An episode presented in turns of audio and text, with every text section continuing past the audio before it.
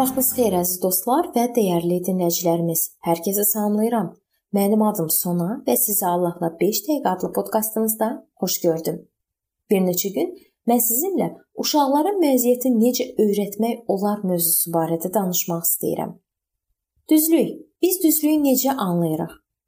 Yəni düzlük faktların və hadisələrin dəqiq, sədaqət və səmimiliklə işıqlandırılmasıdır.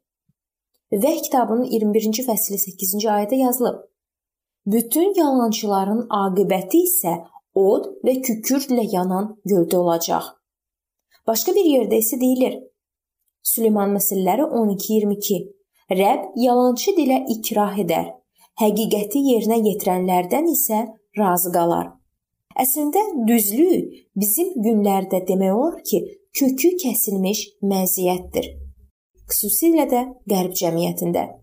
Baxmayaraq ki, nə vaxtsa vacib məziyyətlərdən hesab edilirdi.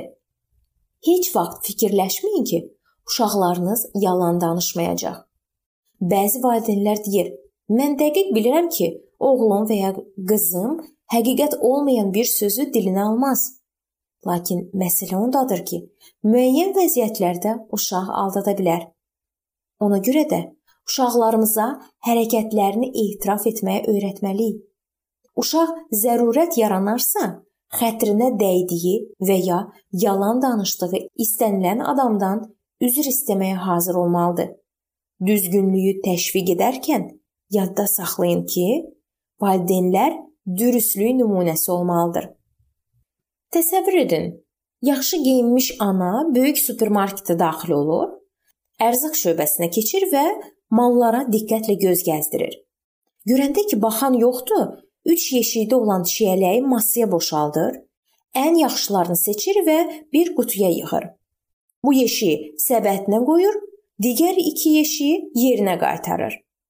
Valideynlər özləri düzgünlüyə nümunə olmalıdılar. Ana çiyələyə görə pul ödəsə də, başqa müştərilərə qarşı vicdansızcasına hərəkət etmiş olur. Valideynlər nə işlərində, nə də düşüncələrində vicdansızlıq etməmək üçün ehtiyatlı olmalıdırlar.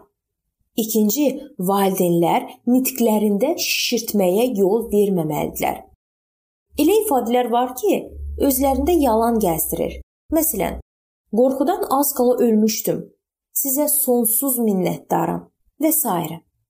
Belə mühitdə böyüyən uşaq heyvanxanadan evə gələndə deyəcək: Ana, zürafənin boynu 1 kilometr uzunluqda idi. Buna ananın reaksiyası belə olacaq. Məgər sənə deməmişdim ki, heç vaxt şişirtmə? Anlayıram ki, çox vaxt bu ifadələrdən istifadə edəndə heç də elə demək istəmirik. Elə məsələ də ondadır. İsa deyir ki, bərbəzəkli sözlərdən qaçmalıyıq. Yəni mənasız sözlərdən istifadə etməməliyik. Üçüncü, valideynlər həddindən artıq ehtiyatlı olmamalıdılar.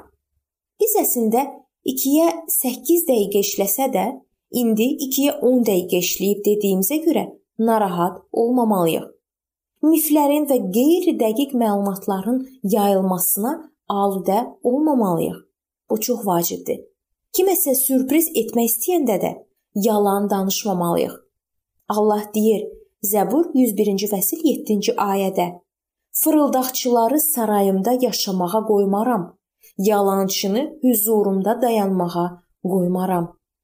Əgər uşaq heç nəyi gizlətmədən düzünü deyirsə, etdiyi hərəkətə görə cəzasını azaltmaq məqsədə uyğun və mümkündür.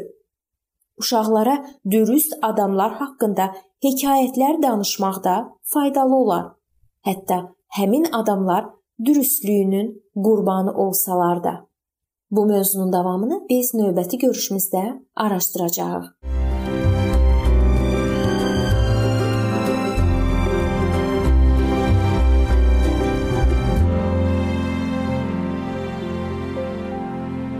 Beləliklə əziz dostlar, bu yerdə bu mövzu sona çatdı.